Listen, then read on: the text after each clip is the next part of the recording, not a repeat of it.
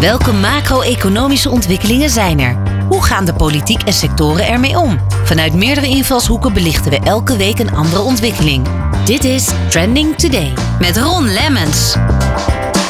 Voor de vierde keer vanuit Straatsburg. De stad met een belangrijke rol in Europa, die met regelmaat in Duitse handen viel. De Fransen zien het als symbool van de Europese eenwording.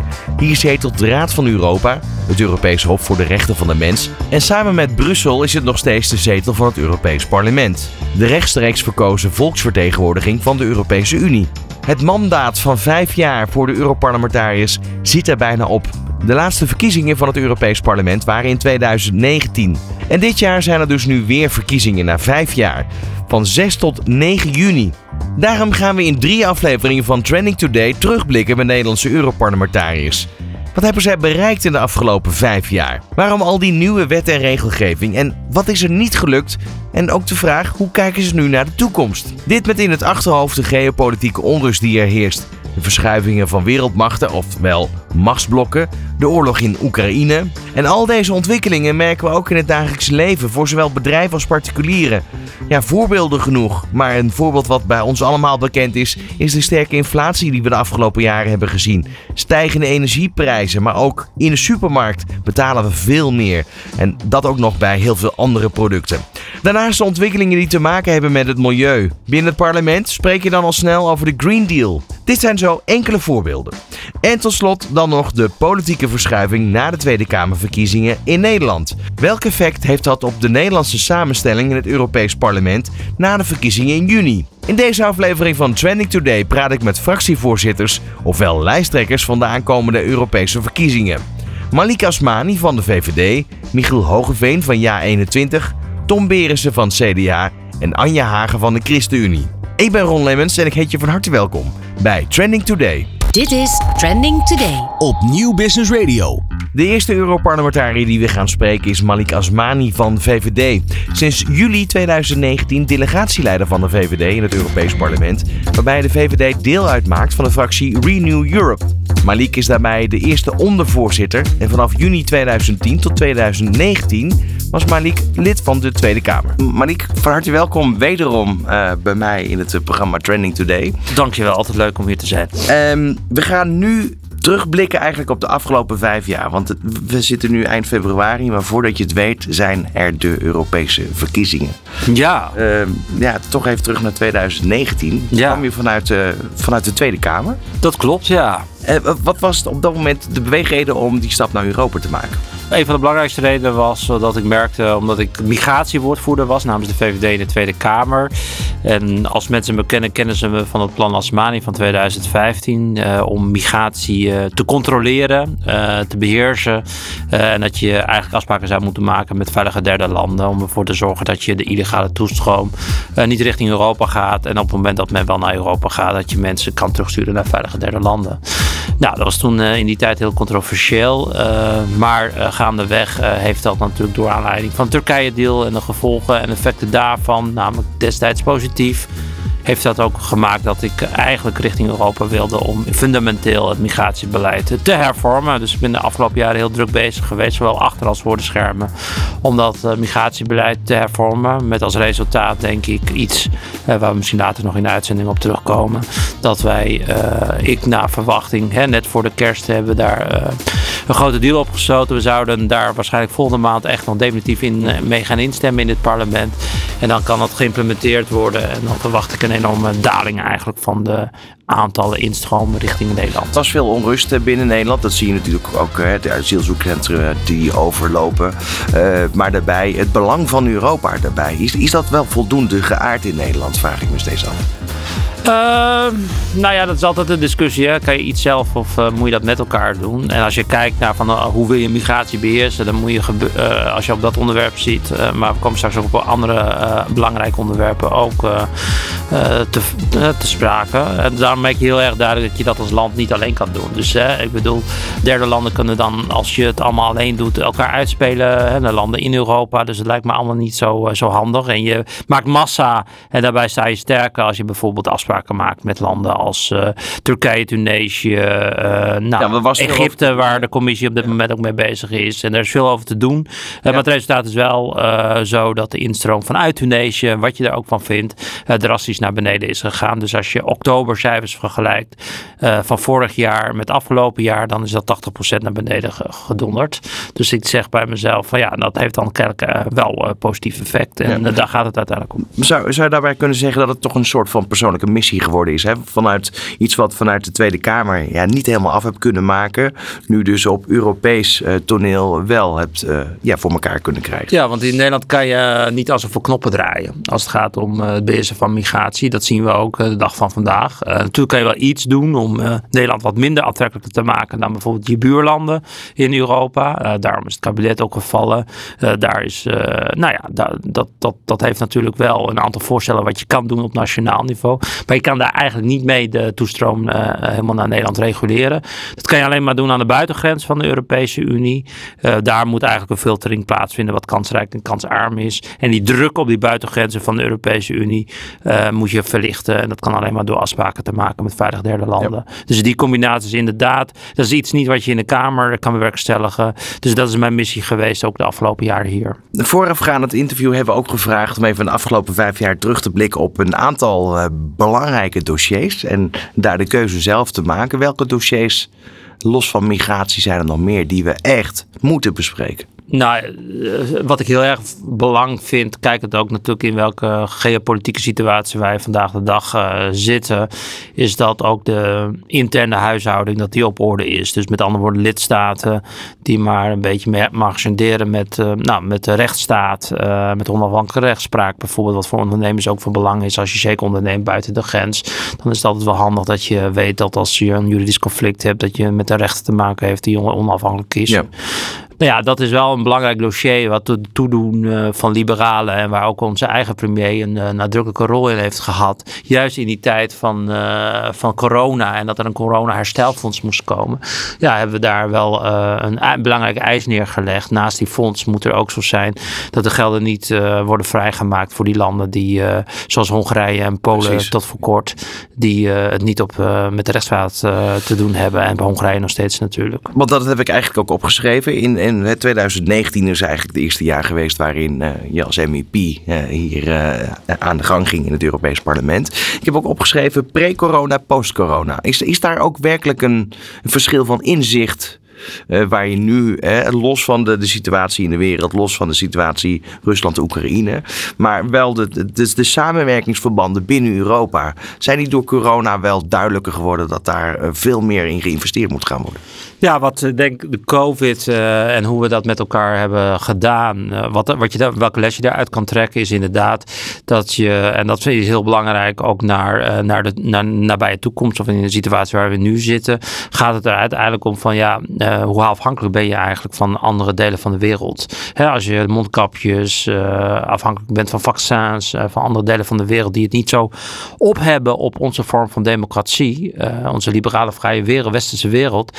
Ja, dan heb je wel met een probleem te maken als je daar afhankelijk van bent. Dus dat heeft het wel blootgelegd. Ja, doelende waarschijnlijk op de landen in Azië. China, ja, China bijvoorbeeld. Ja. En ja, hoe hun politiek is, en dat is niet van vandaag of gisteren. zij zijn met een hele lange termijn politiek bezig om ja, andere delen van de wereld afhankelijk te laten maken van China. En dat is niet voor niks. dat betekent dat zij hun invloed verder willen vergroten. Daarmee hebben ze dus ook bijvoorbeeld belangrijke vitale infrastructuren in Europa aangekocht, zoals bijvoorbeeld Piraeus haven in, uh, in Griekenland. Ja. En daar moet je van bewust zijn. En dat was denk ik tot, tot aan die COVID-crisis was men daar nog niet zo sterk bewust van. soms is de euro ook belangrijker dan, dan, dan, dan misschien het veiligheidsvraagstuk. Maar er zit een hele belangrijke vraag, veiligheidsvraagstuk natuurlijk aan vast. En in die navolging van die COVID-crisis, die natuurlijk in deze mandaat in de afgelopen vijf jaar heeft plaatsgevonden, aan het begin eigenlijk van het nieuwe mandaat van dit parlement ja, kwam eigenlijk heel snel al de andere crisis van twee jaar geleden. De, de invasie van Rusland in Oekraïne. En hoe afhankelijk wij ook waren van het gas. Van, van Rusland. Dus kijkend naar COVID-crisis afhankelijk van medische middelen van autocraten, afhankelijk van de oorlog, afhankelijk van ook van de fossiele brandstoffen van autocraten. zo zie je dat de migratiecrisis heeft laten zien, bijvoorbeeld in 2015 al, dat onze grenzen poreus is. En migratie is niet alleen maar dat iemand een wens heeft om naar Europa te gaan, maar het is ook een destabilisatiepolitiek instrument voor autocrate landen om Europa te destabiliseren, omdat zij wisten dat landen in Europa niet uh, gelijk denken uh, en nou ja, tot tien jaar toe geen oplossing konden vinden als het gaat om, uh, om het migratievraagstuk. Dus daarom ook bijvoorbeeld instrumentalisatie van migratie, bijvoorbeeld aan de Finse grens of uh, door middel van gebruik maken van Wit-Rusland. Dat wordt nu allemaal heel erg duidelijk. Los daarvan, want dit zijn dingen die fysiek te zien zijn, mm -hmm. uh, is er ook nog de, de cyberwar aan de achterkant. Aan Inderdaad. Um, ja, dat, dat speelt natuurlijk ook allemaal mee. Als je nu de, de situatie waarin we nu op dit moment binnen Europa en in de wereld eigenlijk in verkeren, hoe zou je die willen omschrijven? Nou ja, om eerlijk te zijn, zijn wij. Uh, wij, wij voeren nu een strijd. Uh, en we laten dat nu nog uh, door Oekraïne zelf doen. maar zij voeren ook onze strijd als het gaat om het behoud van onze westerse vrije wereld. liberale democratie. en... Was je verbaasd van de opmerking van Macron? dat, dat hij niet uitsluit dat er in de toekomst wellicht troepen naar Oekraïne gestuurd worden? Nou, ik denk dat hij heeft willen zeggen dat je niks moet uitsluiten. Uh, maar uh, ja, zover uh, zijn we niet. Ik bedoel, Oekraïne zit niet in NAVO. Maar te meer zeg ik tegelijkertijd op het moment dat je dus niet de mensen geeft aan Oekraïne, moet je juist ervoor zorgen dat ze wel alle middelen krijgen. En nou ja, we kunnen vaststellen dat dat nog steeds een grote uitdaging is om de militaire middelen, de munitie, de wapentuigen. Nou, er is een tekort eigenlijk aan, ja, aan, wapens. En dat kan eigenlijk niet. Kan, kan je dat, zou je dat kunnen vergelijken met de situatie waar je net al op doelde, de, mondkapjes. Hè? Destijds moesten die komen vanuit China. Eigenlijk waren we daar afhankelijk van de industrie van van Azië, van landen ver weg. Um, daar is uiteindelijk ook een strategie op, op uh, ontwikkeld. Mm -hmm. um, dat hoort hier eigenlijk ook bij. Toch? Ja, zeker. Nee, dat betekent dat we, zoals dat hier heet, strategisch autonoom moeten gaan worden. Uh, ja. Ik heb ook wel gepleit voor een strategiewende. Ik vind eigenlijk dat de commissie, de komende nieuwe commissie na de verkiezingen, zich moet bezig gaan houden uh, door alle beleid, alle voorstellen die je doet, zeg maar achter een bril te zien van geopolitiek. Dus maakt het Europa sterker en verzwakt het de vijanden? Want daar komt het eigenlijk al gezegd op neer. Dat tweede zeg ik er ook graag bij. Vinden mensen niet altijd even prettig. Maar ik, uh, ik vind wel dat je, dat, je, dat je Europa moet versterken. En de vijanden in de autocraten moet verzwakken. En dat betekent niet dat ik een oproep doe voor een oorlog. Of een oproep doe uh, aan een einde van globalisering. Nee, ik sta niet met de rug tegen de andere delen van de wereld. Ik denk ook economisch moet je dat niet uh, willen doen. Maar je moet niet naïef zijn. Dus zolang wij nog steeds nieuwe voorstellen doen. Waarbij waarbij je afhankelijk bent van Chinese batterijen uh, bijvoorbeeld, ja, dan is dat niet zo verstandig. Dan uh, moet je ervoor zorgen dat je uh, die industrie naar, naar Europa haalt en dat je daarin versterkt. Of je moet een andere keuze gaan maken. Dat je bijvoorbeeld veel meer op waterstof gaat zitten. Maar dat zijn wel strategische keuzes die je moet maken. Ik heb geen behoefte aan om autocratische regimes te gaan versterken in hun economie om ons te gaan overheersen. Nee, wij moeten ons willen versterken. En dat betekent ook dat Europa bereid moet zijn om ondernemers en de industrie te ondersteunen. ook in de transities die gemaakt moeten worden, maar ook om onze positie als Europa op dat wereldtoneel als economische macht verder te versterken. Ja, geopolitiek gezien hebben we het nu gehad over Azië. Dan zijn er nu de Amerikaanse verkiezingen straks. Uh, Trump verliet het Witte Huis in 2021. De kans dat hij terugkomt is aanzienlijk. Groter, wil je zeggen, denk ik. Dus is heel groot, toch? Ja, nou, dat, dat, dat zeggen de peilingen, ja.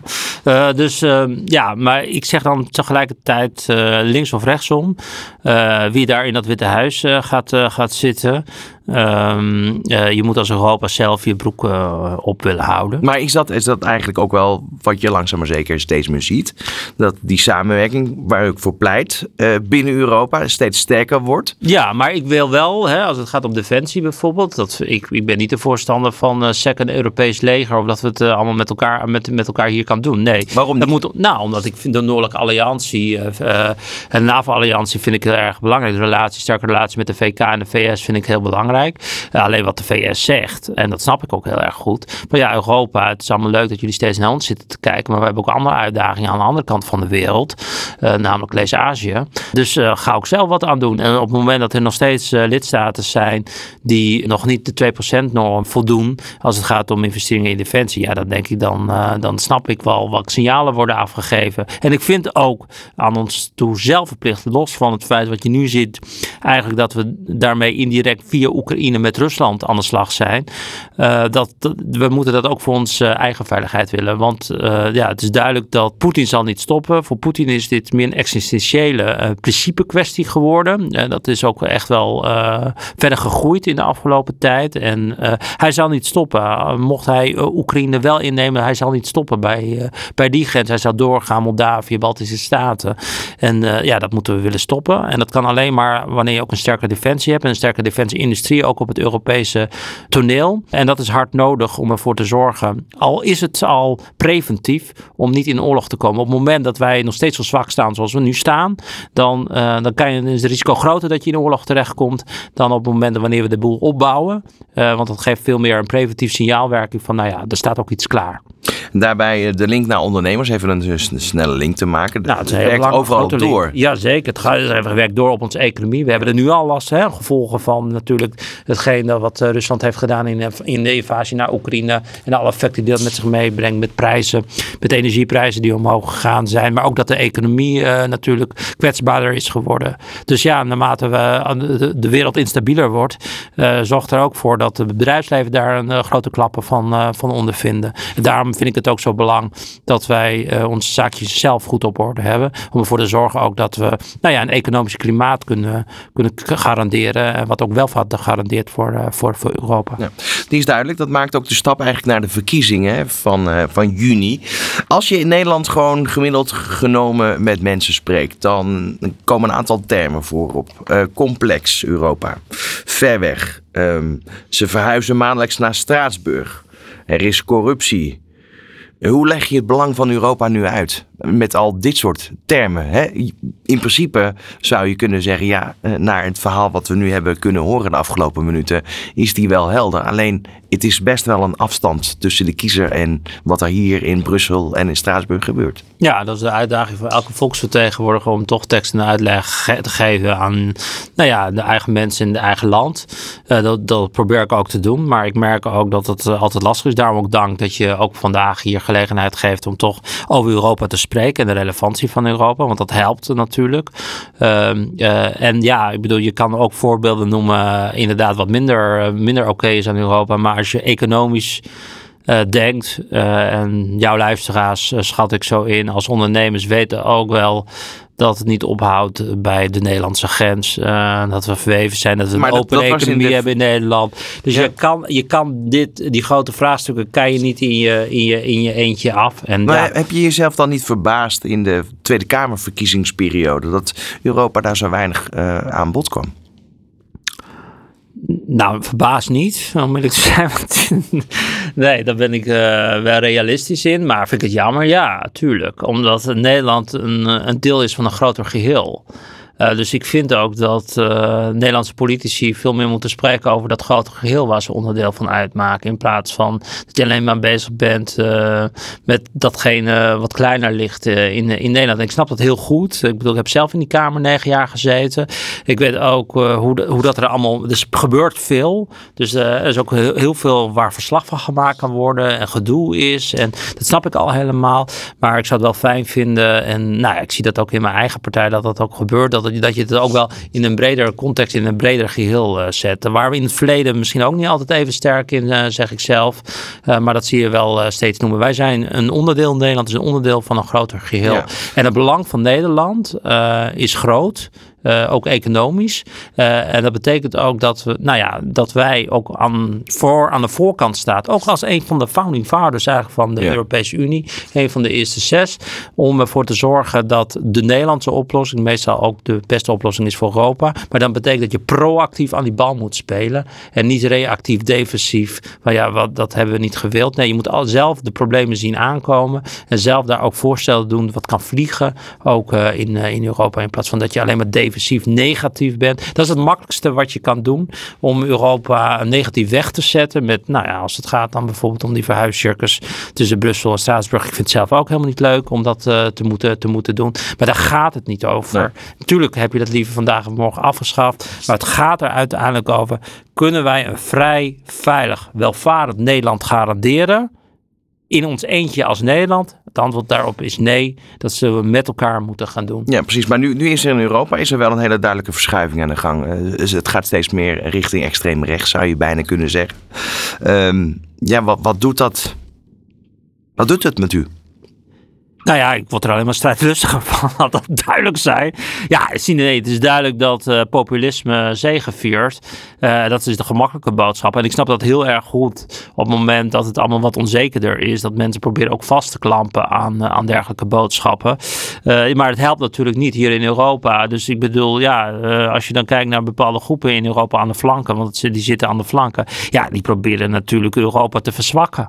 Ja. Nou, in deze tijd met Poetin. Wat denk je zelf? Wil je dan Europa verzwakt hebben of wil je Europa versterkt hebben? En dan heb ik het er niet over dat ik oorlog wil voeren. Maar vertrouwen gooien. Ik bedoel, het is toch logisch dat als Poetin uh, Oekraïne inneemt. Hij heeft een veel groter verhaal, een groter beeld. Dus hij gaat ook richting die Baltische Staten. Naar Letland, Estland, uh, Litouwen. Wat, wat, gaan we dan doen? Gaan we staan, kijken en hopen maar niet dat het bij de Nederlandse grens dat het daar ophoudt? Nou, voor mij moeten we ook lessen trekken uit de geschiedenis. Uh, en, uh, en ik had ook anders gewild en anders gehoopt. Maar het motiveert mij en het drijft mij wel om die strijd ook daadwerkelijk te voeren richting al die populisten. Richting al die mensen die, die goedkoper die boodschappen kunnen leveren. Maar daarmee eigenlijk alleen maar het gevaar van Nederland uh, verder vergroten. En ja, dat is mijn liefding waard om daar tegen op te komen en daarvoor te strijden. Dan ja, de, de opkomst. Ik, ik heb de cijfers hier erbij. Um, 2019 was uh, 41,93 procent.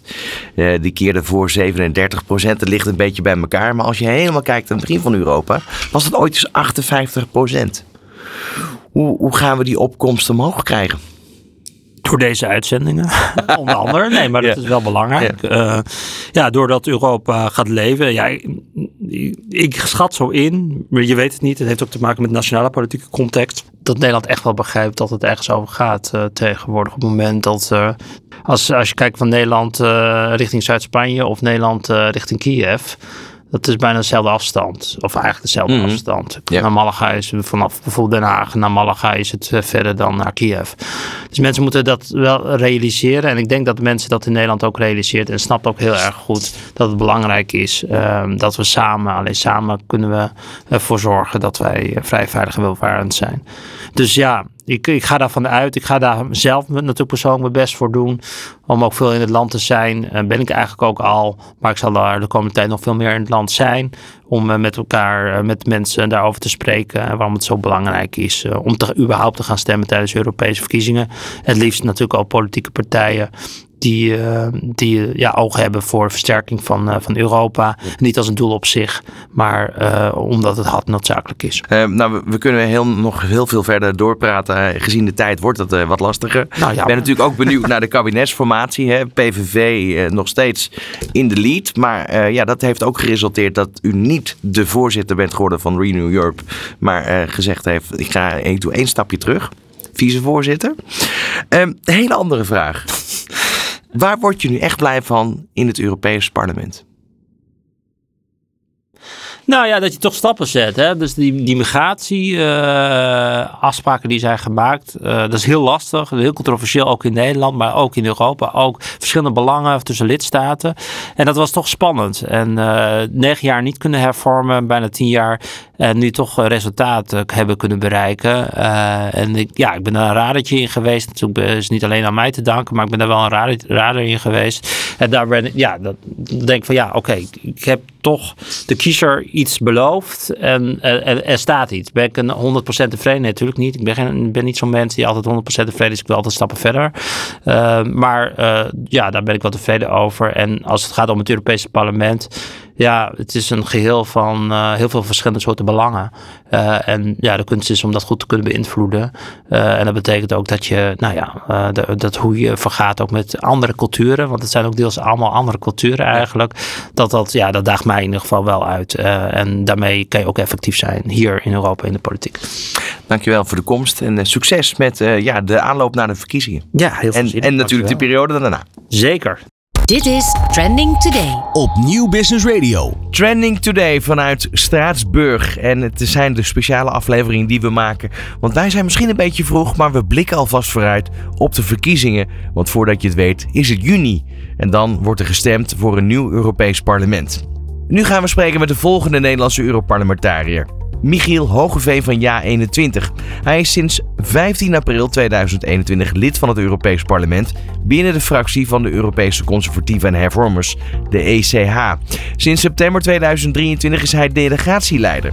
Eerder was hij lid van de Provinciale Staten van Zuid-Holland. Uh, we hebben elkaar al eerder gesproken. Michiel, uh, welkom weer terug hier uh, in de studio in Straatsburg. Dankjewel.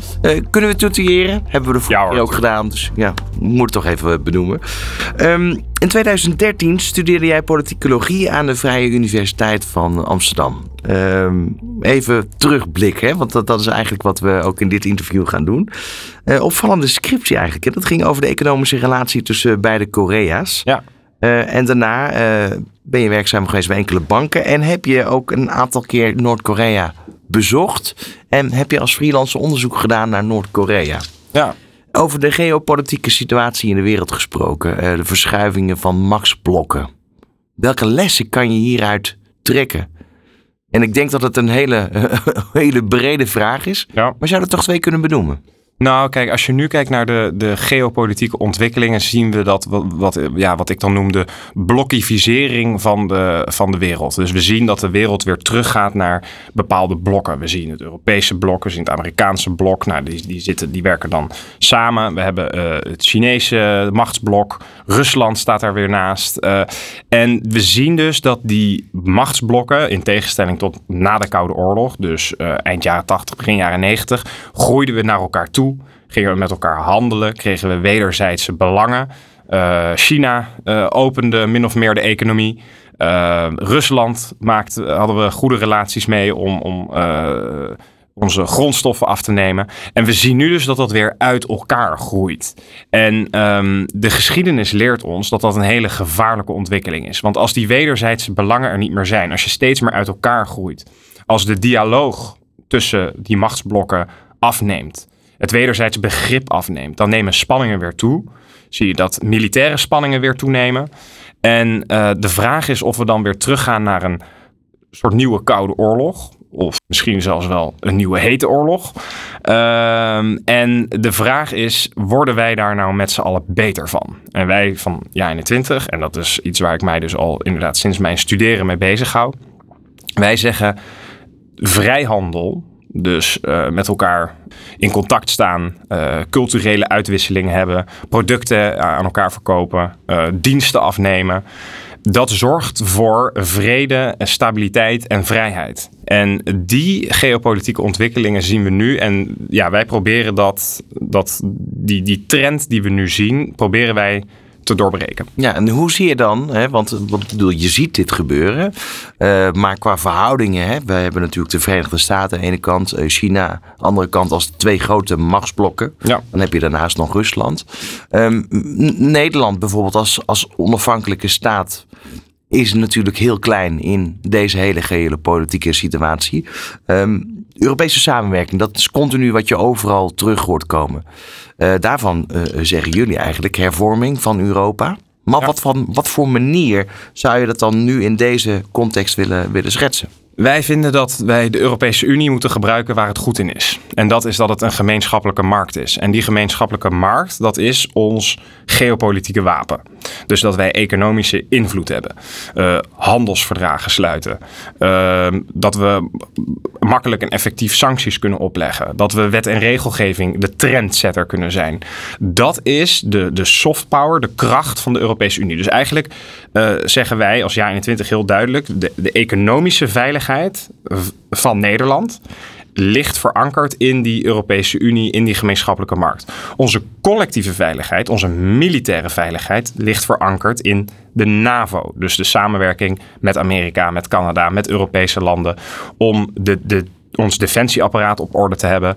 Uh, dat is onze militaire pijler. En die twee moeten niet door elkaar gaan lopen. En daarnaast hebben we nog een derde pijler. Dat is de soevereiniteit van Nederland. We vinden ook dat zoveel mogelijk uh, beslissingen nog steeds in het Nederlandse parlement moeten, genomen, moeten worden genomen. Omdat dat toch het dichtst bij de mensen staat. Dit, is jullie uitgangspunt. We, gaan um, straks daar ook op vooruit uh, kijken. Hè, op de verkiezingen die eraan komen.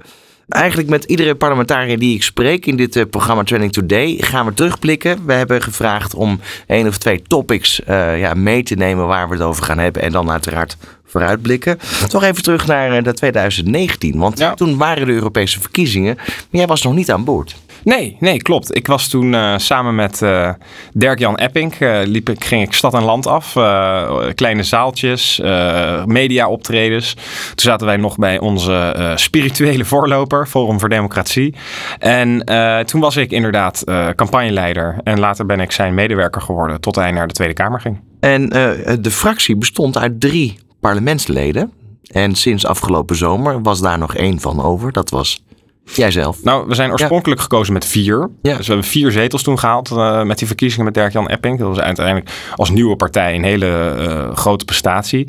Nou goed, we hebben sinds die tijd gezien dat, uh, dat, dat, dat, dat de partij waar we toen bij zaten, dat dat volledig is ontspoord. Dat dat een hele andere partij is geworden als waar wij toen... Schaam je er wel eens voor dat je lid daarvan geweest bent? Nee, schaam me niet. Nee, ik heb daar ook geen... Ik kreeg laatst ook de vraag of ik daar spijt van heb. Nee, dat heb ik absoluut niet. Want dat was toen een hele andere partij, een nieuwe partij. Uh, ik denk dat ik geloof ook nog steeds in het verhaal wat toen uh, ons uitgangspunt was, ons verkiezingsprogramma. Maar ja, waar ik me wel voor schaam is hoe dat, uh, hoe, hoe zeg maar het vertrouwen van de kiezers, de, de, degene die het die de partijen hebben aangekruist in het stemhokje. Dat dat, dat zo'n zooitje is geworden, dat, dat vind ik wel zonde. Nu uh, ben je eigenlijk een aantal maanden, sta je er alleen voor uh, binnen het Europees Parlement namens jaar 21. Hoe is dat? Hoe is die verandering? Uh, nou, het geeft je veel vrijheid. Je hoeft niet meer eindeloos ver vergaderingen uh, te hebben over, nou ja, we moeten da daar en daar over stemmen. Dus de afstemming met Den Haag is in die zin ook stukken beter. Omdat, nou ja, goed, we nu wel beter op één lijn zitten. En, uh, nou ja, goed, we gaan nu ook richting de verkiezingen. Dus het is ook, ja, je schrijft een programma. en dat kan je dan ook meer naar je toe trekken. Eh, dat gezegd hebbende, ja, uh, met politiek blijft natuurlijk een, een, numbers game. Dus het is altijd wel beter als je met meer bent om uh, invloed in je Europese fractie of in het parlement uit te oefenen. Ja, over die verkiezingen gaan we straks uitgebreid nog uh, hebben. Um, dan toch even de vraag van, ja, er zijn een aantal dossiers waar je je de afgelopen jaren mee bezig gehouden hebt. Uh, ik heb gevraagd daar één of twee van uit te kiezen die we gaan bespreken. De eerste die gaat eigenlijk min of meer over de digitale euro. En dat is weer onderdeel van een groter geheel. En om even heel recent te kijken, afgelopen week was daar een debat met de voorzitter van de Europese Centrale Bank, Christine Lagarde. Um, en daar had jij een betoog. Daar gaan we even naar luisteren. Dank u, voorzitter, president Lagarde. Sinds eind jaren 2000 probeert de Europese Centrale Bank voor God te spelen. Door geld te drukken zoals het brood uit de hemel kwam. President Lagarde, de kerndoelstelling van uw ECB is prijsstabiliteit. Maar uw instelling houdt zich bezig met van alles. Het redden van hoge schuldenlanden, slechte leningen opkopen, klimaatverandering en een digitale euro waar niemand om heeft gevraagd. Maar van de grote economische uitdagingen waarmee de bevolking wordt geconfronteerd, inflatie, huisvesting, hoge staatsschulden, lage economische groei, ligt veel van de oorsprong in Frankfurt. Kerninflatie gaat omlaag, maar is nog steeds niet onder controle. En de verloren koopkracht van de afgelopen jaren krijgen de mensen nooit meer terug. President Lagarde, het is belangrijk dat u zich beperkt tot uw kerntaak. Het is tijd om de beest terug in de kooi te stoppen. Alleen dan kan de ECB het vertrouwen van de mensen terugwinnen. Ja, beest terug in de kooi. Ja. Um, dit is overigens niet de eerste keer hè? Uh, dat, je, nee. uh, dat je op deze manier uh, fel tekeer gaat tegen ja, eigenlijk alles wat de Europese Centrale Bank op dit moment doet. Ja. Um, waar, waar komt dit vandaan? Want um, het, het, is natuurlijk best wel een moeilijke kwestie. ik hoor onder andere hoge schuldenlanden. Ja. die maar steeds blijven steunen. Maar wat als ze omvallen? Nou, ik, mijn kritiek van de Europese Centrale Bank komt uh, vanuit eigenlijk het oorspronkelijke ideaal van de euro. Die, die ondersteun ik. Ik ben niet uh, per definitie tegen de euro. Ik, ik zie er wel hel in dat je al een gemeenschappelijke Europese munt hebt om geopolitiek ook om geopolitieke redenen uh, de concurrentie aan te gaan met andere grote uh, valuta's. Uh, dus dat begrijp ik wel. Alleen de manier waarop het nu dat beleid wordt vormgegeven. Het idee achter de euro was dat het een sterke gemeenschappelijke munt moest worden. Als je een sterke munt wil hebben, dan heb je ook een innovatieve, moderne economie daarachter. Dus je moet je economie hervormen. Je moet kunnen bezuinigen. Je moet een lage staatsschuld hebben. Je moet een laag begrotingstekort hebben, lage inflatie. En uh, nou ja, goed, dat was het oorspronkelijke uitgangspunt van de euro. Dat zijn ook afspraken die zijn gemaakt in, in de verdragen. Maar die afspraken zijn door die hoge schuldenlanden niet nageleefd. Eigenlijk al vanaf het begin uh, hebben we gezien dat landen het uh, moeilijk vonden om politieke keuzes te maken, om dus te bezuinigen, om hun economie te hervormen. En we zien dat die schulden maar zijn, zijn gaan groeien, groeien, groeien, groeien, groeien. En uh, in plaats van dat vanuit de Europese Commissie, dus niet de Europese Centrale Bank, maar de Europese Commissie, die regels werden gehandhaafd, zien we dat de Europese Centrale Bank schulden, dus de staatsschulden van die hoogschuldenlanden is gaan opkopen. Nou, dat is dus eigenlijk een beetje vals spelen. Officieel mag dat dan nog wel binnen de huidige verdragen. Dat is dan door ja, juridische trucjes wordt dat toegepast. Maar uiteindelijk zorg je er dus voor dat je de moeilijke keuzes waar we voor staan, moeilijke economische keuzes, nogmaals bezuinigen, hervormen, uh, sociale voorzieningen, dat je die blijft uitstellen. Waar je uiteindelijk voor zorgt is dat je op een gegeven moment loop je tegen een schuldmuur op. Dan moet je steeds meer rentes gaan betalen. Gaat die inflatie omhoog. En ja, dat is nu een, een soort doomloop waar we in zitten. En ik neem dat de ECB heel erg kwalijk. Omdat de ECB, wat ik in mijn toespraak ook zei, daarvan is de kerntaak dat zij de prijzen stabiel moeten houden. Dat is eigenlijk het enige wat de ECB moet doen. Maar ze houden zich bezig met allerlei andere randzaken. Uh, en ja, die kritiek heb ik en die blijf ik ook geven. Ja, oké. Okay. Uh, maar dan toch de vraag, hè, want dan heb je nog steeds te maken met landen die dus eigenlijk zich niet aan de regels houden. Ja, uh, het, het, het is goed als, als wij als politici dat benoemen en ook blijven benoemen. Maar benoemen is dat, dat is niet voldoende. Nou ja, goed, uiteindelijk moet daar dus ook een verandering in komen. Maar hoe ga je die bewerkstelligen? Nou ja, goed, dat is om dat, door dat politiek aan te kaarten. Door dat te blijven benadrukken. Maar ook door uh, naar de mensen toe te gaan en dit uit te leggen. Want vaak weten mensen dit ook niet. Uh, je hoort natuurlijk inderdaad wel, je vroeg ook naar ja, hoge schuldenlanden. Wat betekent dat nou? Nou goed, dat betekent dus eigenlijk dat wij als Nederland onder het kabinet Rutte 2 bijvoorbeeld, moesten wij keihard bezuinigen. En onze economie hervormen, pensioenleeftijden omhoog, uh, uitkeringen niet geïndexeerd, het, de AOW niet geïndexeerd, dat soort zaken. Om ervoor te zorgen dat wij die competitieve, moderne economie bleven. Maar als andere landen dat niet doen, dan vloeit eigenlijk ons geld weer indirect of direct naar die hoogschuldenlanden. En dat is gewoon oneerlijk. Daar moet iets aan gaan gebeuren. Dat gaat deze periode niet meer komen. Nee, we hebben nog uh, een kleine twee maanden. dus dat zal in een nieuw mandaat uh, moeten ja. gebeuren. Nu over die nevenactiviteiten, daar, daar is er één van, onder andere de digitale euro. Ja. Daar hebben we het de vorige keer ook over gehad. Ja.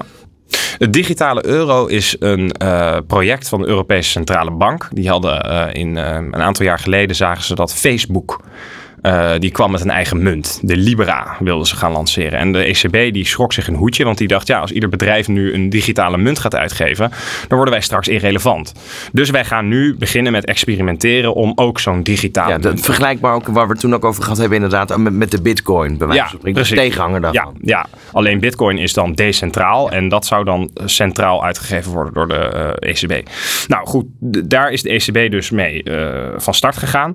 Op zich heb ik daar niks op tegen, want je moet altijd zorgen, nou, als je het hebt over het oude fotografiebedrijf Kodak.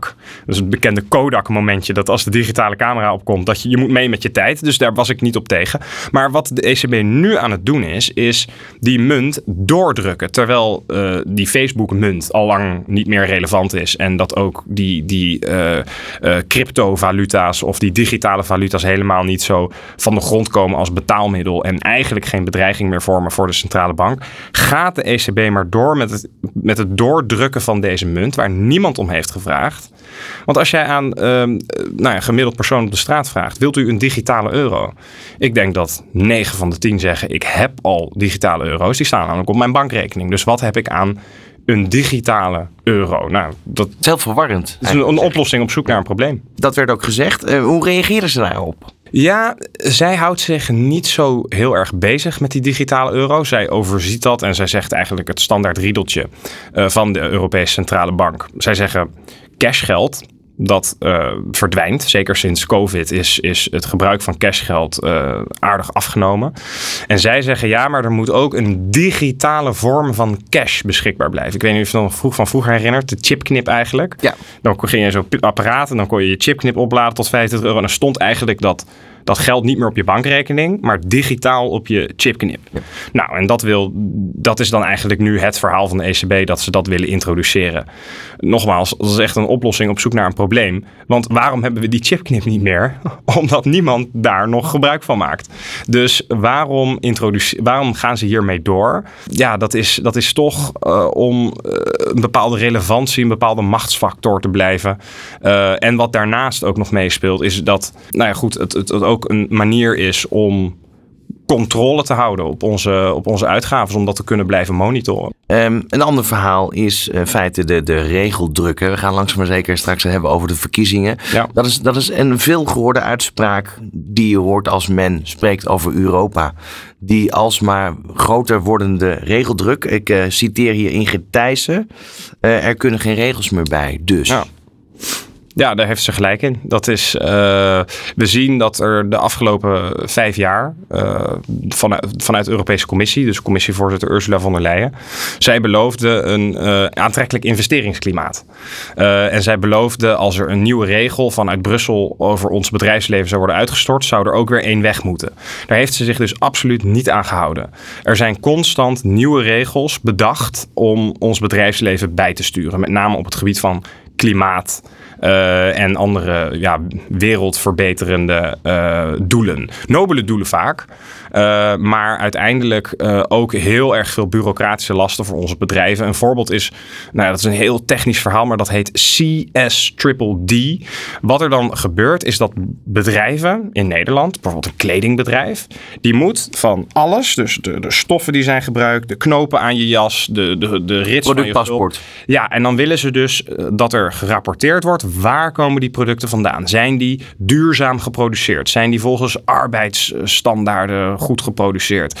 Eh, is er een klimaatplan opgesteld waarbij eh, eh, het laat zien dat het product ook bijdraagt aan de klimaatdoelen? Dat zijn dus allemaal ondernemers die moeten dat gaan rapporteren, verantwoorden. Die moeten daarvoor weer dure consultants inhuren. Van grote eh, accountingbedrijven of eh, consultancies of advocatenkantoren. Die worden ingehuurd. Kunnen ze bijvoorbeeld geen nieuw personeel aannemen. Het is zo'n enorme lastendruk voor onze ondernemers. En Brussel is daar maar door mee blijven gaan. We zien nu de boeren op de straat. We zien steeds meer ondernemers die klagen. Eh, en daarin eh, moet echt een verandering komen in Brussel. Maar goed, hier, hier wordt wel gesproken over de lessen. Ook eigenlijk wel zichtbaar in coronatijd. Ja. Ehm, het gaat niet zo heel goed met de wereld. Dat zien we allemaal. Klimaatsverandering. Ja. Hoe, zou je dat dan op jouw manier namens eh, jaar 21 willen invullen? Want er moet iets gaan veranderen. Nou, nou kijk, eh, het is goed om eh, te erkennen dat er klimaatverandering is en dat het voor een groot deel wordt veroorzaakt door, wordt geaccelereerd door menselijk toedoen. Dus uitstoot van broeikasgassen. Dus daar moeten we eh, wat aan doen. En dat kan je dan best in Europees verband doen, omdat je dan meer effectiviteit hebt. Dus daar zijn we ook niet op tegen. Wij vinden wel dat je het slim moet doen. Dus je moet dat doen met de markt. Je moet de markt het werk laten doen. Zorg dat bedrijven gaan innoveren, minder gaan uitstoten. En zorg ook dat je een energievoorziening hebt die niet alleen uh, duurzaam is, maar ook betrouwbaar en betaalbaar.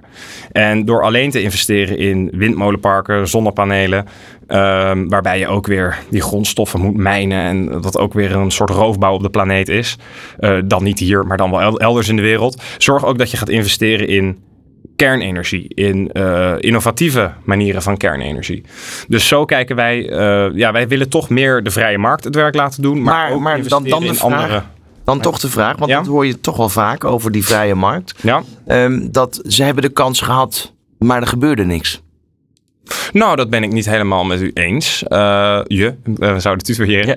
Ja. Uh, kijk, als je bijvoorbeeld ziet, ik, ik, ik rij, ik, ik heb heel lang in een oude Chrysler gereden. Die rijdt met een beetje geluk rijdt hij 1 op 10. Maar als je in de stad rijdt, rijdt hij 1 op 8. Nou heb ik een paar jaar geleden een auto gekocht. Hetzelfde gewicht, zelfde grootte. Nou, die rijdt wel 1 op 16, 1 op 17. Dus er is wel ook door bijvoorbeeld um, uitstootnormen langzamer zeker te verstrengen, is dat, is dat ook door innovatie steeds beter geworden. Er is ook meer vraag gekomen naar zuinigere auto's. Maar wat we nu bijvoorbeeld doen in de uh, Europese Unie is dat we zeggen, ja, die hele brandstofmotor die gaan we verbieden per 2035. Door een VVD'er overigens die dat heeft geïnitieerd.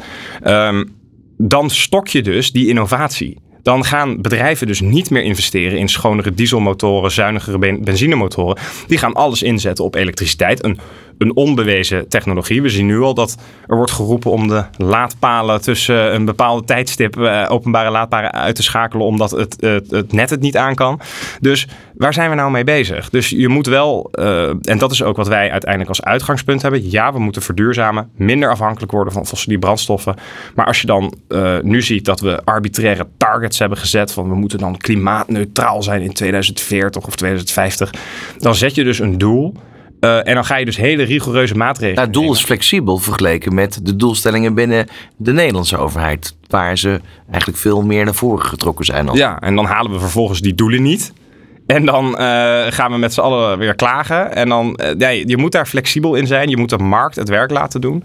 En ook uh, zorgen dat je dat aanmoedigt. En dan niet door middel van subsidies, maar juist door middel van zorgen dat er in onderwijs wordt geïnvesteerd. Dat er in kennis wordt geïnvesteerd.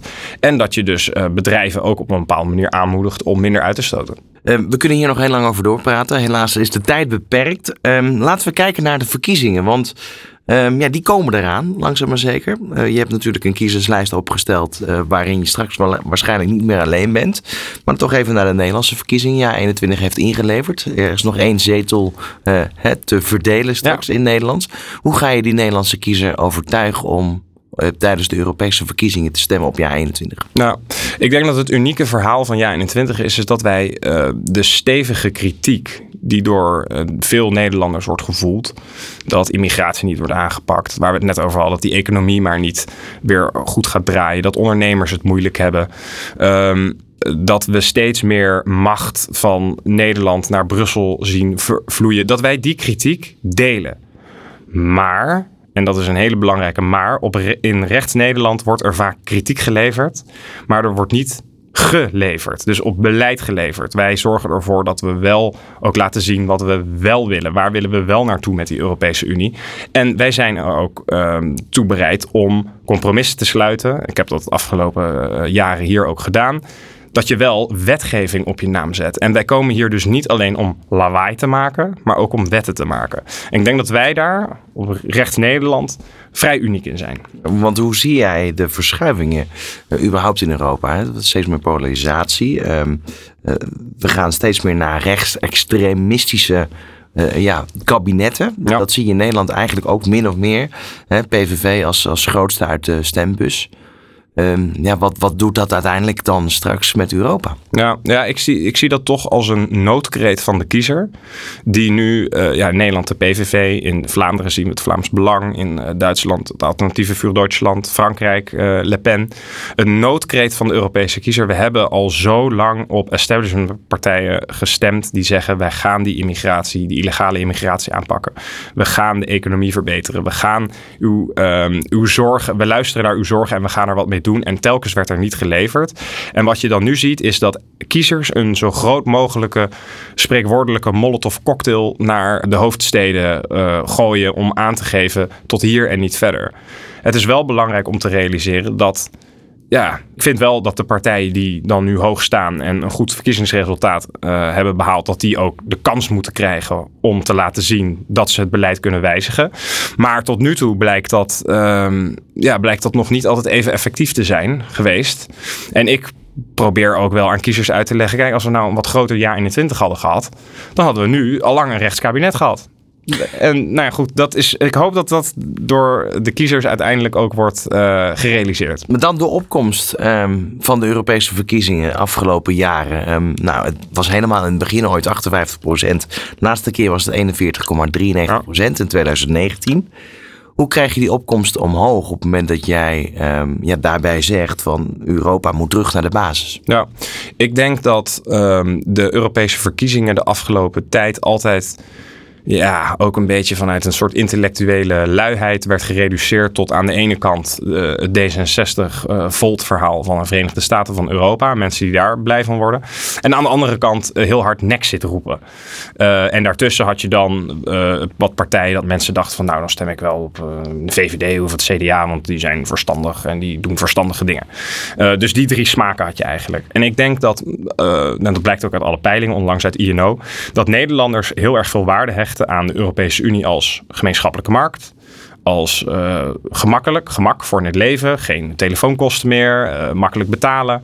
Dus dat Nederlanders daar in overgrote uh, mate voorstander van zijn, maar dat ze tegen, er tegen zijn om meer bevoegdheden aan Brussel over te hevelen, die steeds meer ons leven gaat micromanagen. Nou, wij zijn dus een partij, wij zeggen echt, wij willen terug naar die basis, dus die economische unie. Maar we willen ook wel ambitie daarin uitstralen. En wij sluiten niet onze ogen voor nou, waar we het in het begin over hadden, de geopolitieke uitdagingen van deze tijd. Duidelijk. Laatste vraag aan jou, Michiel.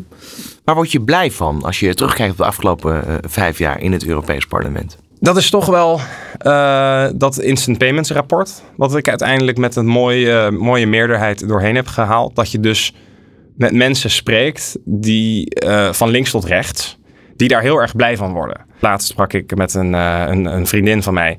En zij woont dan in België. En haar moeder woont in Nederland. En die zei, ja, dan moet dat geld weer naar jouw Belgische rekening over. Dat duurt weer lang. En toen zei zij, nee, nee, nee, want Michiel heeft dat rapport voor instant payments. Dus binnenkort is het binnen 10 seconden. Nou, dat, daar word je dan als politicus wel heel blij van. Want dan heb je echt in iets heel kleins maar toch het leven net iets gemakkelijker gemaakt. Ben je je belastingcenten toch een beetje waard.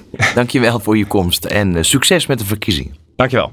Dit is Trending Today. Op Nieuw Business Radio. Sinds 2 juli 2019 is hij lid van het Europees Parlement. En op 2 september 2023 aangewezen als lijsttrekker voor het CDA voor de Europese parlementsverkiezingen in juni. Tom Berendsen, daar hebben we het over. Tussen 2015 en 2019 was hij als adviseur duurzaamheid werkzaam voor PricewaterhouseCoopers. Daarvoor was hij medewerker van de CDA-delegatie bij de fractie van de Europese Volkspartij van de Christendemocraten in het Europees Parlement. Tom, van harte welkom. We hebben elkaar gesproken in september. Toen hebben we het onder andere gehad over de havenstrategie. Hè? Want het ging natuurlijk over de inmenging van China, het opkopen van belangrijke onderdelen van de Europese havens. Zoals containerterminals, sterker nog in Griekenland een hele haven. In deze aflevering gaan we terugblikken op de afgelopen vijf jaar. Want uh, mag ik tutoyeren overigens? Ja, ja, heel graag. Ja. Hoe zijn die voor jou geweest de afgelopen vijf jaar in het Europarlement? Ja, een hele, hele bijzondere, bijzondere periode. Het is natuurlijk hartstikke eervol om, om te mogen doen.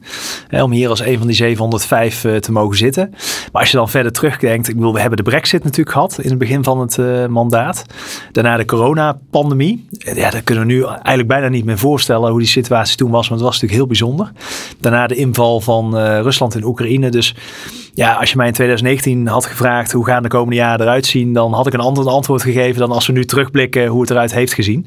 Uh, bijzonder om, om daar onderdeel van te mogen zijn. Zojuist was hier Michiel Hogeveen van Ja 21. Die zeggen eigenlijk in de grootste lijnen: Europa, ga je hok in, ga terug naar de basis. Wat zijn de uitgangspunten van het CDA? Oeh, ik zou daar niet. Uh, nee, ik, zou dat niet 1, 2, 3 steunen. Wat denk ik belangrijk is, is dat Europa zich richt op een aantal grote onderwerpen waar we echt samen aan de bak moeten: energie, defensie, veiligheid, uh, migratie en industriepolitiek minder afhankelijk worden van andere delen van de wereld. Ik denk dat dat echt een aantal grote onderwerpen zijn waar we echt stappen samen moeten zetten. Tegelijkertijd vind ik wel dat op heel veel andere onderwerpen de Europese Commissie zich inderdaad veel bescheidener moet opstellen. En je moet niet tot zes cijfers achter de komma Europees voorschrijven hoeveel fietsparkeerplekken er per gerenoveerd flatgebouw uh, zouden Daarin slaat het door. Dat is eigenlijk. Daarin slaat het door. Dus, ja, ja maar, maar op sommige gebieden slaat het door en op sommige gebieden moeten we echt beter de handen ineens slaan. En ik denk dat die combinatie Daarin de keuze maken. Dus geloof in die Europese samenwerking, maar wel op een fatsoenlijke manier. Ehm, dat is het verhaal van het CDA. Ja, we hebben een aantal eh, onderwerpen uh, ja, die we gaan bespreken. Daar hebben we ook naar gevraagd van wat zijn op dit moment ja, focusonderwerpen waar je mee bezighoudt. Um, er zijn een aantal belangrijke ontwikkelingen waar Europa nu bekend om staat. Ik bedoel, kijk eventjes naar Brussel. Afgelopen week, uh, weken eigenlijk. Hè. Veel protesten van, van de boeren. Vier jaar geleden was dat in Nederland. Toen was dat eigenlijk in andere landen nog helemaal niet aan de orde. Zou je daarmee kunnen zeggen dat Nederland een beetje vooruit loopt op de troep? Ja, denk ik wel. Uh, dat is ook niet zo raar, omdat uh, waar veel boeren mee te maken hebben, is eigenlijk het stapelen van regel op regel. En het gevoel dat ze knel komen te zitten. Nou ja, waar kom je het eerste knel te zitten? Dat is in een dichtbevolkt land als Nederland, waar we tot op de centimeter nauwkeurig alles tegelijk proberen te doen. Dat is natuurlijk ook niet houdbaar. En dat zie je nu ook op andere plekken in Europa. Tegelijkertijd de boerenprotesten, die zijn natuurlijk heel zichtbaar. Waar ik me minstens zoveel zorgen over maak, is natuurlijk alle signalen uit het bedrijfsleven. Het concurrentievermogen van, van onze industrie, energie-intensieve industrie die met hoge energieprijs te maken heeft. Um, en die signalen zijn natuurlijk ook al heel sterk. Die hebben we in Nederland horen die ook al wat langer. Die proberen we hier ook al langer te adresseren. Ja, en nu die signalen in heel Europa klinken, dat helpt wel onze Europese collega's ervan te overtuigen dat ook daar wat moet gebeuren. Ja, straks gaan we het ook over verkiezingen hebben uiteraard. Hoe ga je de kiezer uh, overtuigen om naar de stembus te gaan? Volgens mij is dat al een hele opgave aan zich. Eerst maar eventjes terug naar uh, ja, wat, wat de afgelopen vijf jaar. Je bent lid geweest van de Industrie- en Energiecommissie, Transportcommissie en de Commissie voor het Regionaal Beleid. En uh, ook rapporteur namens het Europees Parlement voor het Europese Industriebeleid. Um, ja, en dan kan je het eigenlijk benoemen als de groene industriepolitiek. Ja, ja, dus ik, ik heb me in, in grote lijnen de afgelopen jaren bezig mogen houden met energie, met industrie en met China. Zo sla ik hem maar even plat. En industriepolitiek, eh, groene strategische industriepolitiek, is denk ik iets waar we, we zijn begonnen met dat vorm te geven. En dat moet in de toekomst nog veel sterker. Wat ik daarmee bedoel, is dat er zijn politieke partijen die zeggen, laten we zo snel mogelijk klimaatneutraal zijn. En je kan klimaatneutraal morgen zijn als je alle energie-intensieve industrie sluit. Alleen het grote probleem daarvan is je raakt de banen kwijt. Maar de dingen die wij keihard nodig hebben, ook voor onze economie van de toekomst, die, die worden nog steeds ergens geproduceerd. En wij hebben ze nodig. Dan heb je twee mogelijkheden. Eén, je sluit de fabrieken in eh, Europa. Ze gaan ergens anders vervuilender door met produceren. En wij worden alleen maar afhankelijker van andere landen voor de spul die wij nodig hebben. Of je zet in, en dat doen we met groene en strategische industriepolitiek, om ervoor te zorgen dat onze industrie verduurzaamt in Europa. Dat je dat samen met die bedrijven doet. Ook kijkt, zorgt dat de basisinfrastructuur op orde is. En dat is natuurlijk uh, op allerlei plekken niet zo. Zodat die bedrijven zo snel als realistisch gezien mogelijk is kunnen vergroenen. En de spullen die wij keihard nodig hebben voor onze economie van de toekomst ook gewoon op Europese bodem kunnen blijven produceren. En dat is de inzet van dat beleid. Die is heel duidelijk. Dan is er afgelopen week eh, gestemd tegen de Natuurherstelwet. Um, dat betekent nog meer regels, nog sterker aan banden. Wat zou dat betekenen voor de groene Europese industrie? Ja, wij, wij hebben inderdaad gestemd tegen de Natuurherstelwet. Maar het vervelende ervan is dat die wel is aangenomen. Dus daar, daar zit, het, uh, zit het probleem. Um, nou ja, dat, dat wordt een grote uitdaging. Omdat, ik, de reden dat wij als CDA tegengestemd hebben, is wij, wij zijn absoluut voor het beschermen van natuur. En de staat van de natuur in, in Nederland en ook in andere delen van Europa is niet goed. Daar moeten we echt voor aan de bak. Tegelijkertijd, uh, in deze wet worden doelen voorgeschreven voor het natuurherstel voor 2040, 2050. Waar onze minister van de Wal van de VVD in een Kamerbrief al heeft aangegeven dat wij die doelen niet of nauwelijks kunnen halen. Als wij één ding geleerd hebben in Nederland, is dat wij niet doelen in de wet moeten schrijven die we niet kunnen halen. Want dan loop je juridisch gezien tegen de grens aan. En niet alleen voor uh, boerenbedrijven, maar natuurlijk ook voor alle vergunningen die we nodig hebben voor woningbouw, voor economische ontwikkeling. Uh, ook in het kader van de energietransitie. Een hoop bedrijven willen allerlei stappen zetten om te verduurzamen. Daar heb je ook vergunningen voor nodig. En dat komt klem te zitten op het moment dat je volgens wettelijke doelen en die doelen niet haalt. En de rechter zegt, ja, je haalt die doelen niet, dus dit mag allemaal niet meer. ik vind het echt, echt heel onverantwoord van al mijn Nederlandse collega's die voorgestemd hebben. Ik snap dat je heel graag wil laten zien, natuurherstelwet stemmen we voor, want we zijn voor natuur. Maar alsjeblieft, wij, moeten hier, wij zitten hier om te beoordelen of dat een wet die hier voorgesteld wordt ook uitvoerbaar is in Nederland. En bij deze wet is dat gewoon niet het geval. En dan strijd jij voor groene industrie, wat, eh, wat eigenlijk daarbij ook wel weer hè, positief is gezien uh, de klimaatsverandering. Uh, maar ja, om te innoveren zul je ook door moeten gaan met hetgene wat je nu hebt. Nou, het, het, is precies dat. Hè. Dus, dus uh, ik, ik, ik kom bij een hele hoop bedrijven, van klein tot groot. En eigenlijk vrijwel al die bedrijven kunnen aan mij allerlei plannen laten zien hoe zij de toekomst op een duurzame manier willen vormgeven. Maar vrijwel al die bedrijven kunnen mij vervolgens ook melden dat een hele hoop plannen die zij hebben, of dat het nou voor een batterijplaatsen is, uh, elektrificering, er is geen plaats op het elektriciteitsnet, vergunningen liggen stil voor allerlei nieuwe installaties, noem het maar op. Ja, dan, dan blokkeren wij eigenlijk alleen de strijd tegen klimaatverandering die we met z'n allen willen voeren. Uh, hè, dus zo'n rigide manier van het stapelen van regel op regel is niet de manier. De manier is industriepolitiek gaan met die bedrijven zitten. Kijk, wat kunnen we doen om hen te helpen? Ook vanuit de overheid. Publieke investeringen in de infrastructuur die nodig is. Energieinfrastructuur bijvoorbeeld.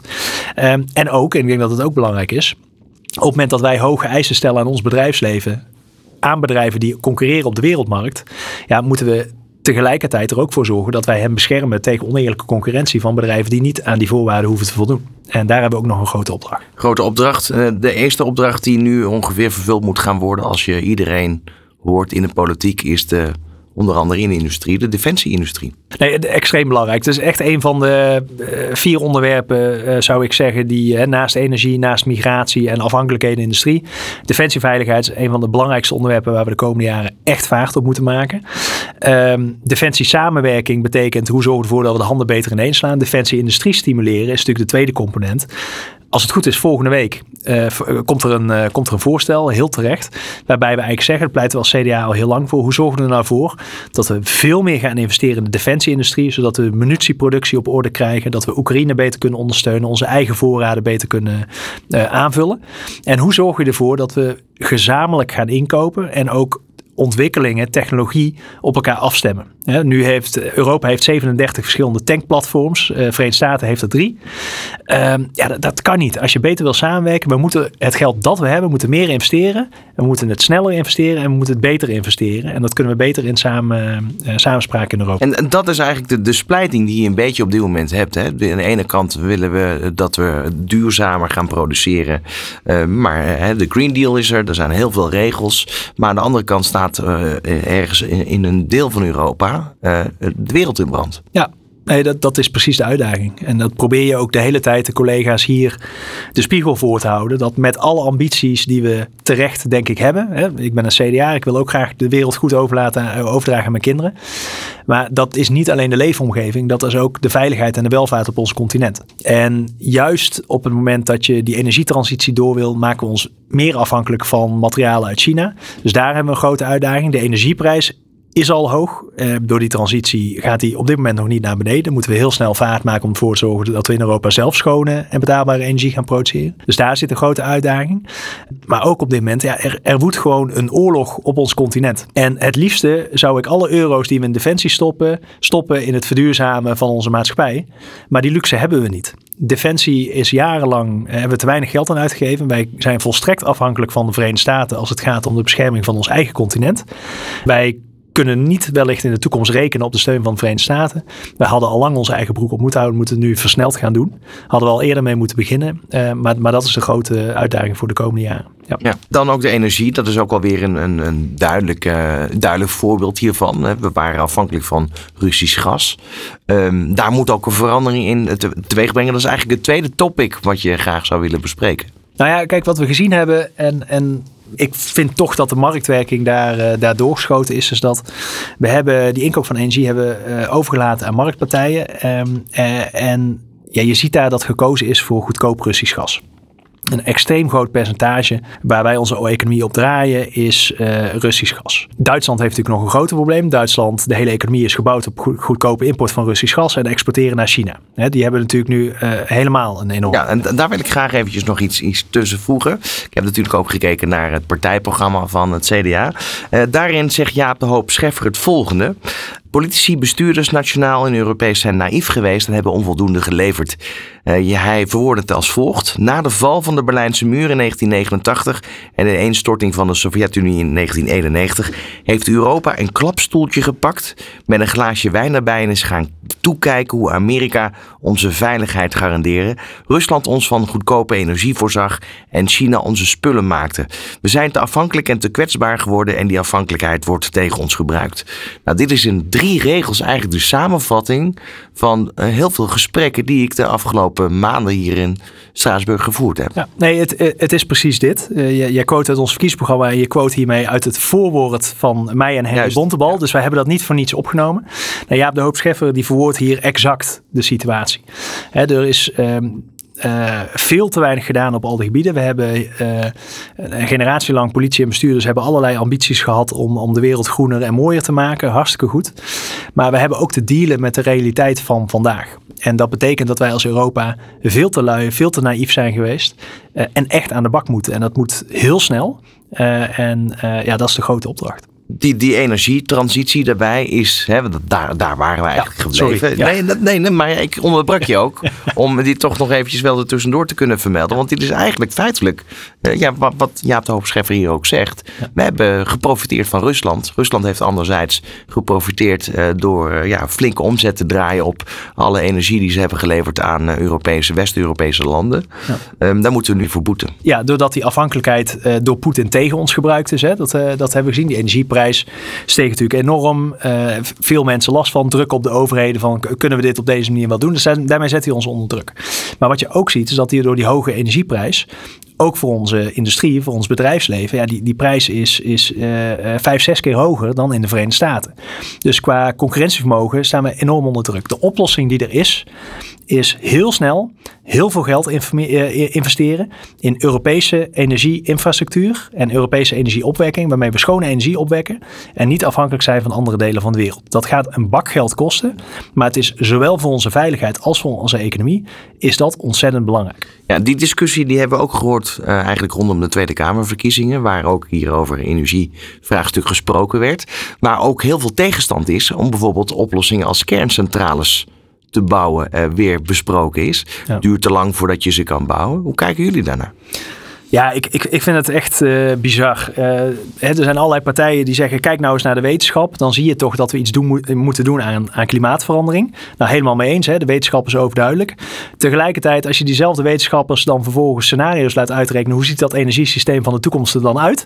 Dan zit daar kernenergie in. En niet de kernenergie is de oplossing voor alles en voor de rest hoeven we niets. Maar een bepaalde betrouwbare basis aan kernenergie zit in het energiesysteem van de toekomst. En de enige conclusie die je daaruit kan trekken, is dat we dus daar volop moeten inzetten. Net als op heel veel andere technologieën. En dan vind ik het echt ontzettend bijzonder uh, en echt, echt onverantwoord wat Duitsland gedaan heeft. Dat je in de grootste energiecrisis uh, van de laatste decennia kies je ervoor om je kerncentrales te sluiten.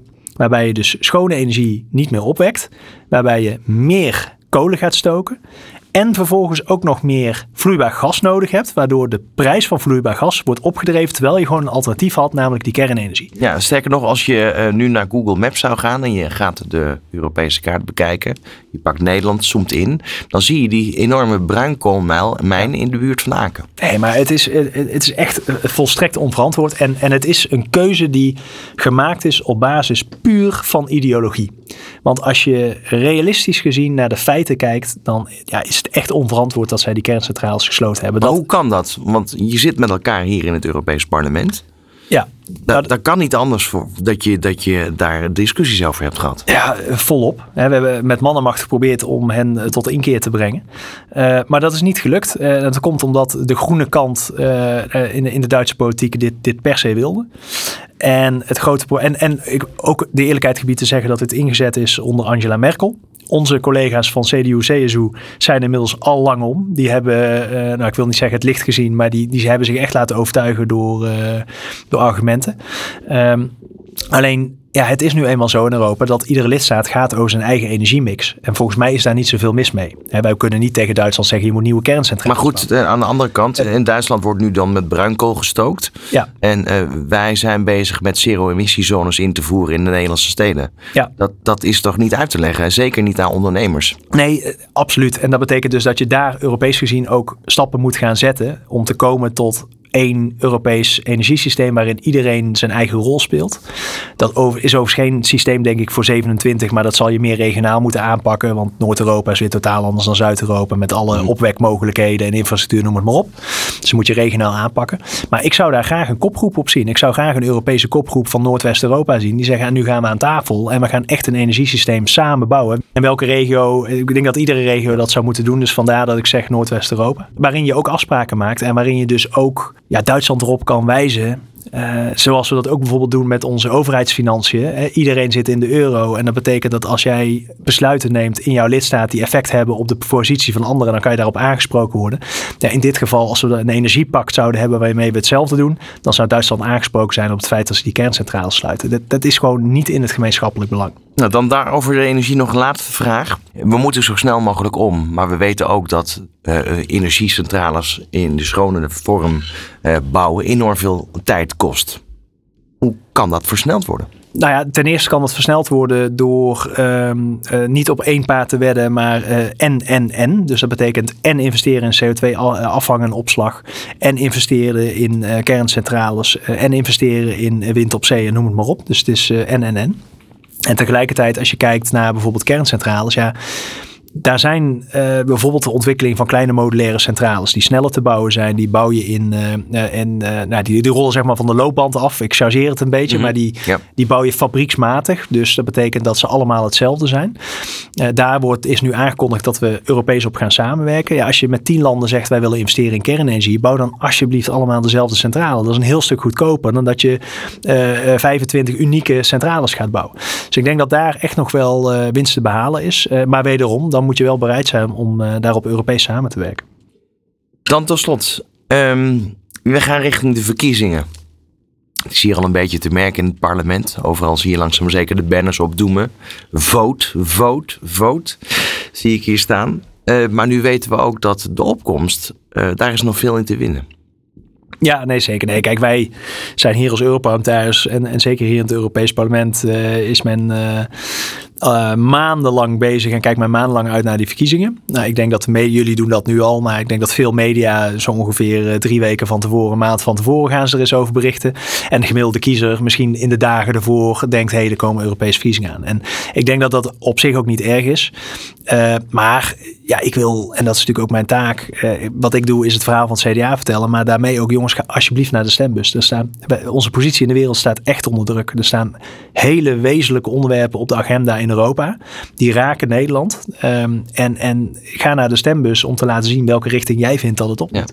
Nu, nu, nu weten we eigenlijk ook dat er hier zoveel speelt in het parlement. Ehm, ik heb het zelf aan de lijn van ondervonden. Voordat je weet wat er allemaal speelt, eh, heb je uren, maar dan ook uren moeten inlezen. Hoe ga je die kloof dichten tussen de kiezer en ja, eigenlijk hetgeen wat hier gebeurt? Want dat is volgens mij een van de belangrijkste opdrachten.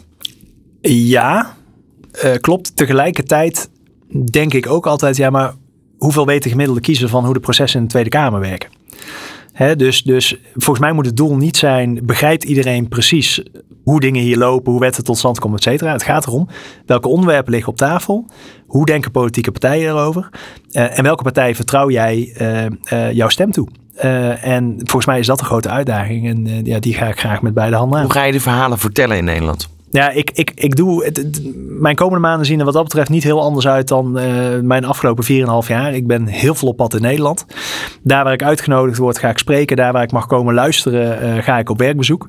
Ehm, en ja, daar waar ik gelegenheid krijg om, om in de media ons verhaal te vertellen, dan, dan doe ik dat graag. Ja. Dus dat, dat is mijn taak. Om op, op zoveel mogelijk plekken, daar waar het kan, eh, ons verhaal vertellen.